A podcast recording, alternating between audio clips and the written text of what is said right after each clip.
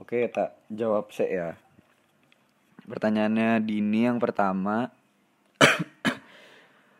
kenapa eh, kenapa kalau asap hewan malah pergi? Itu sebenarnya em, secara inst apa namanya eh, kita tahu ya hewan gak punya akal. Dia lebih condong ke insting. Instingnya lewat apa? Lewat indera-inderanya. Nah, hewan itu eh, salah satu indera yang paling kuatnya itu justru di indera penciuman. Mungkin banyak yang berpikir eh, hewan akan takut ketika dia melihat api, mungkin atau merasakan panas dari api. Eh, sebenarnya tujuannya eh, menurutku pribadi ini dan pengalamanku pribadi sebenarnya nggak nggak di situ karena eh, indera penciuman hewan itu lebih tajam dibanding indera lainnya untuk hewan-hewan hutan tropis ya terutama. Nah eh, itu kenapa makanya hewan akan eh, apa namanya menyingkir atau menghindar ketika dia merasakan atau mencium adanya aroma manusia bahkan. Nah, pun juga asap, kurang lebih itu. Nah, terus pertanyaan yang kedua Hendro Hendro tanya tiga jam tanpa shelter dalam kondisi bergerak atau diam saja? Diam, ya, ini. Nah, terus ini lebih ke kasus teknis. Dini tanya kalau kondisinya satu orang dan dia hampir hipo, susah gerak mau bikin shelter itu gimana mas? Harus dipaksain ya? Nah, sebenarnya kalau studi kasus seperti ini eh, akan banyak kemungkinan. Ya mungkin kemungkinan juga manajemen perjalanan kita. Kenapa kita bisa sampai ada yang sakit? Artinya di situ ada persiapan fisik yang kurang mungkin. Tapi oke katakanlah eh, dia hipo dan sudah dipersiapkan susah gerak mau bikin shelter justru karena em, susah gerak maka kan eh, lebih baik kita berhenti dulu untuk recovery ya. Nah seperti itu. Jadi misalkan eh, kalau kondisi terburuk kalian kalian eh, kita lah kita kan nggak mungkin akan sangat tidak mungkin eh, mem- membentuk manajemen perjalanan di mana dilakukan sendiri. Itu dari segi manajemen aja eh, salah. Cuman akan ada kemungkinan di mana kita berpencar. Terus kalau misalkan eh, kondisinya sendiri dan hampir hipo susah bergerak mau bikin shelter itu gimana eh itu akan sangat kontekstual ya maksudnya eh, maka si satu orang itu akan ada di pilihan bergerak atau mati. Nah, tak rasa pasti mau gak mau bergerak ya atau enggak kemungkinan terburuk mati. Cuman kalau misalkan kita bergerak dalam manajemen kita yang biasa, artinya komunal kita bareng-bareng, eh, maka ya satu orang ini justru akan menjadi alasan ter- alasan salah satu alasan mengapa tim akan berhenti dan kemudian mengamankan si satu orang ini. Kurang lebih seperti itu. Eh, buat pertanyaan Intan, iya ada ada pilihan. Jadi eh, memang mungkin belum ya belum dipelajari ya teknik-teknik perapian. Eh, jadi kan ada berbagai jenis perapian yang biasa kita bikin itu kan bahasa kerennya kan ini apa? Em, log cabin biasa bahasa kerennya log cabin Em, itu kita menyusun menyusun menyusun tidak memberi alas ada juga teknik perapian lain namanya upside down. Upside down itu eh, kita menumpuk kayu yang lebih besar di bawah kemudian kecil-kecil ke atas kita bakar dari atas. Kita manfaatin gaya gravitasi untuk bakar eh, api dari atas ke bawah. Nah, itu pun salah satu kelebihan upside down, jenis jenis perapian upside down itu bawahnya kayu bisa kita manfaatkan untuk lahan basah, betul seperti yang kamu bilang. Bisa ada pilihan untuk memberikan kayu di bawah.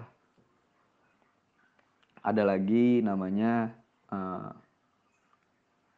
apa namanya Dakota Dakota Fairhall itu juga itu ini bisa jadi pilihan juga untuk untuk perapian basah atau untuk lokasi yang berangin karena dia menggali lubang sistemnya memberi lubang tembus di situ alur masuk angin jadi lebih terpusat.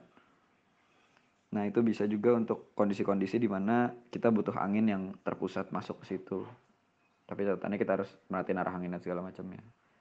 Dakota Ferah itu bikin lubang. Terus ada juga TV TV itu dipraktekin pas uh, di video ada. Jadi kayak kayak pramuka diberdiriin semua tujuannya apa supaya api itu uh, ngebakar kayu dengan luas penampang kayu yang lebih besar.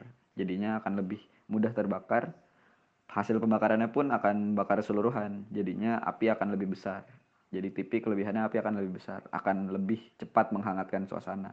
TV juga bisa jadi salah satu tips untuk untuk perapian basah. Karena kita butuh panas yang lebih kan panas yang cepat dan lebih itu bisa. Nah terus uh, untuk menghadapi situasi perapian basah teknik-teknik teknik-teknik jenis perapian itu bisa diaplikasikan. Jadi pengetahuan kita tentang teknik itu akan sangat penting. Jadi karena kita tahu tekniknya banyak improve di lapangan tergantung konteks di lapangan bisa bisa kita atasi. Contoh misal kayak yang kamu tanyakan uh, lahan bawah basah tanah di bawah juga basah kan. Betul pilihan kamu untuk uh, memberikan kayu di bawah.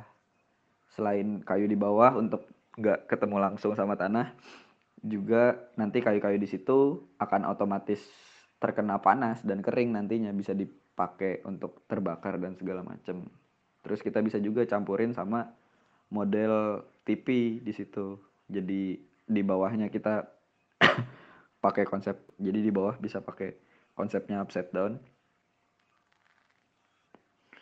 Kasih kayu-kayu kering di bawah untuk um, apa namanya perantara antara tanah basah dan api yang akan kita buat. Ke atasnya di pertengahan pakai pakai apa namanya pakai lock cabin. Karena lock cabin cenderung lebih mudah diatur dan lebih mudah dibuat tuh kan api juga bisa lebih mudah disusun sama kita. Nah di tengah-tengah itu di sisi-sisinya baru kita aplikasikan TV kita berdiri-berdirikan supaya apa kayu yang kayu-kayu yang lumayan panjang secara menyeluruh secara lebih besar luas penampangnya terkena panas dan jadi lebih cepat kering. Ketika terbakar pun akan menghasilkan api yang lebih besar jadinya lebih cepat uh, panas situasi. Dan itu mendukung kayu-kayu lainnya kebakar juga karena kondisi udah lumayan panas. Artinya kelembapan mulai berkurang juga. Di sekitar situ paling enggak itu bisa dimanfaatkan panasnya buat ngeringin kayu sekitarnya. Kurang lebih kayak gitu. Nih pertanyaan Hendro. Kurang lebih jawabannya sama nih kayak pertanyaannya Salvia. Hendro tanya tips buat perapian basah gitu. Selvia jelasin kalau pengalaman dia pernah melaksanakan itu dan tetap susah. Tetap susah dan cuma jadi sekedar bara harus tetap dikipas dan segala macam nah uh, sebenarnya gini sebenarnya balik lagi ke yang tadi tak sebutin pada saat aku jelasin ke insting sebenarnya lebih ke insting. Jadi uh, emang insting itu ngaruh banget di sini. Di kita ngefeel dalam membuat api dalam kondisi basah. Nah Selvia pasti ngerasain itu di Slogohimo awalnya emang pandangan kalau Slogohimo itu subjektif ya pandangan subjektif kalau slogo himo itu emang rada-rada aneh katanya. Karena di situ susah banget dibuat apinya. Cuma pandangan objektifnya gini. Uh, kon, apa posisi posisi kita bikin apinya itu sebenarnya juga ngaruh. Artinya identifikasi sama medan orientasi medannya. Pengaruh sama yang namanya satu kelembapan kedua uh, jalur udara atau angin. Sebenarnya.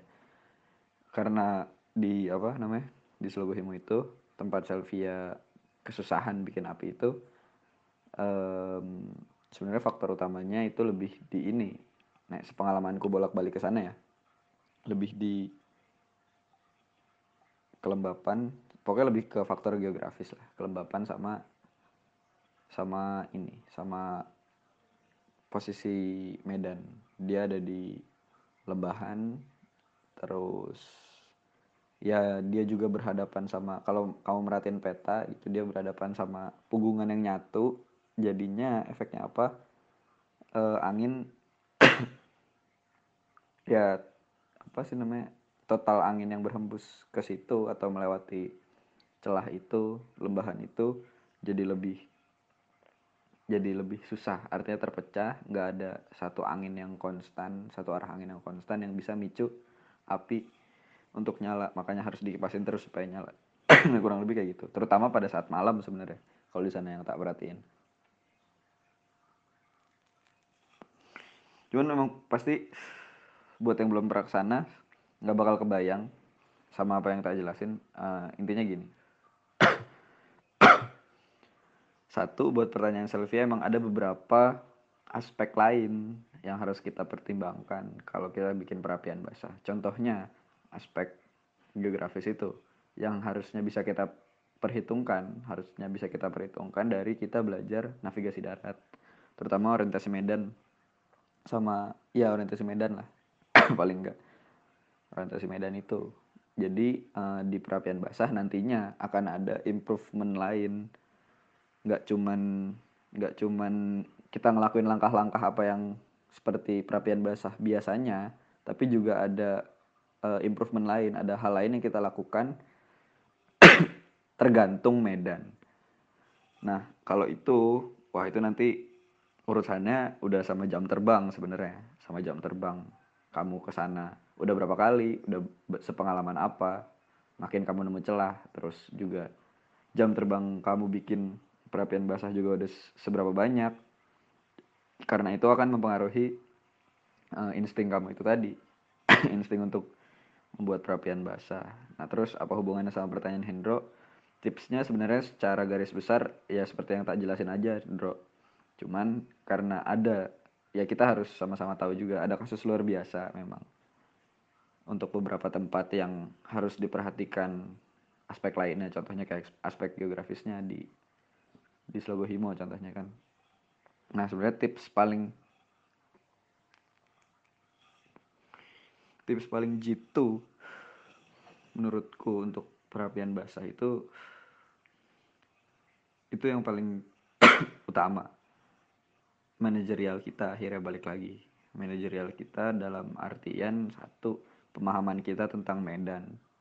Pemahaman kita tentang Medan bisa didapat dari tanya-tanya terus baca-baca uh, catatan perjalanan yang pernah ke sana.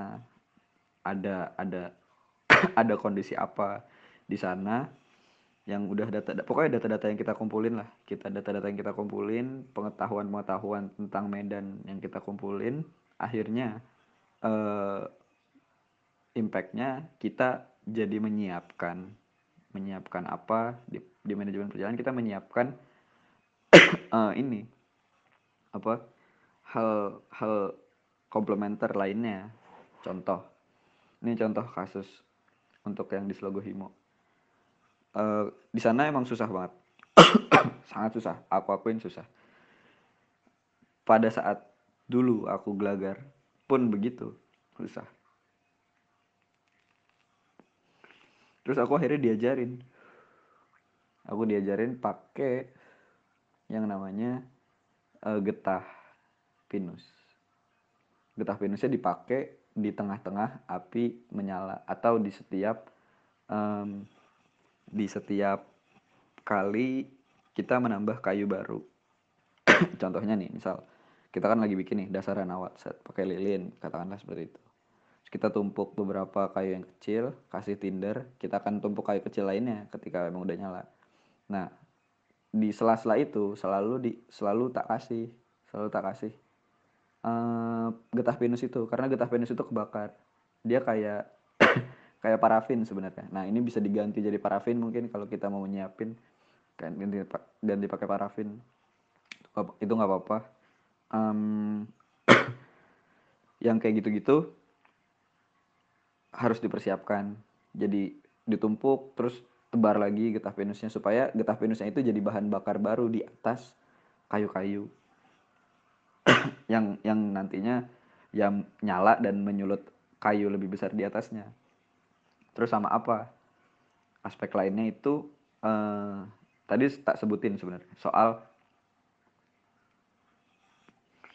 membuat suasana di situ juga ikut hangat. Karena kalau di Slogo Himo itu uh, itu emang tingkat kelembabannya tinggi. Tingkat kelembabannya tinggi banget. Jadinya kenapa bisa tak bilang begitu? Karena uh, kebanyakan kayu di sana basah sampai ke dalam. Dia bener-bener ngeresep sampai ke dalam. Karena ya coba aja dirasain lah bener-bener sampai lapuk di dalam. Ya karena salah satu faktornya itu tingkat kelembabannya tinggi dia selalu kena embun akhirnya masuk lama-lama. Nah ini tips juga mungkin buat pertanyaan Hendro. Bener-bener pilih banget kayunya jangan ragu kalau lagi di lapangan itu buat nyari sampai jauh sampai bener-bener kamu uh, bener-bener ingat ada kayu yang kering dan terpapar sinar matahari.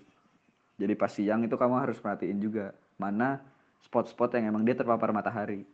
Maka di sana tingkat kelembabannya otomatis akan lebih kecil dibanding yang nggak kena sinar matahari. Lokasi camp kita nih kalau Selvia tahu itu emang ketutup banget kan sama apa namanya rimbun di atasnya.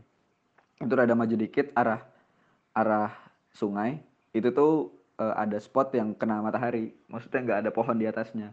Nah kayu-kayu di situ yang harusnya kita andelin. Karena uh, secara secara jangka waktu panjang dia kena matahari pas siang. Dia kejemur secara otomatis. Jadi tingkat kekeringannya pasti akan lebih tinggi dibanding kayu-kayu sekitar kita. Itu yang biasanya males kalau lagi pas perapian basah. Pas malesnya itu adalah cari kayunya biasanya males. Jadinya ya kayunya nggak jadi-jadi. Karena kayu yang kita ambil ya cuma di sekitar kita. Yang emang basah dan kita nggak merhatiin medan. Benar-benar nggak kita perhitungkan dengan tepat.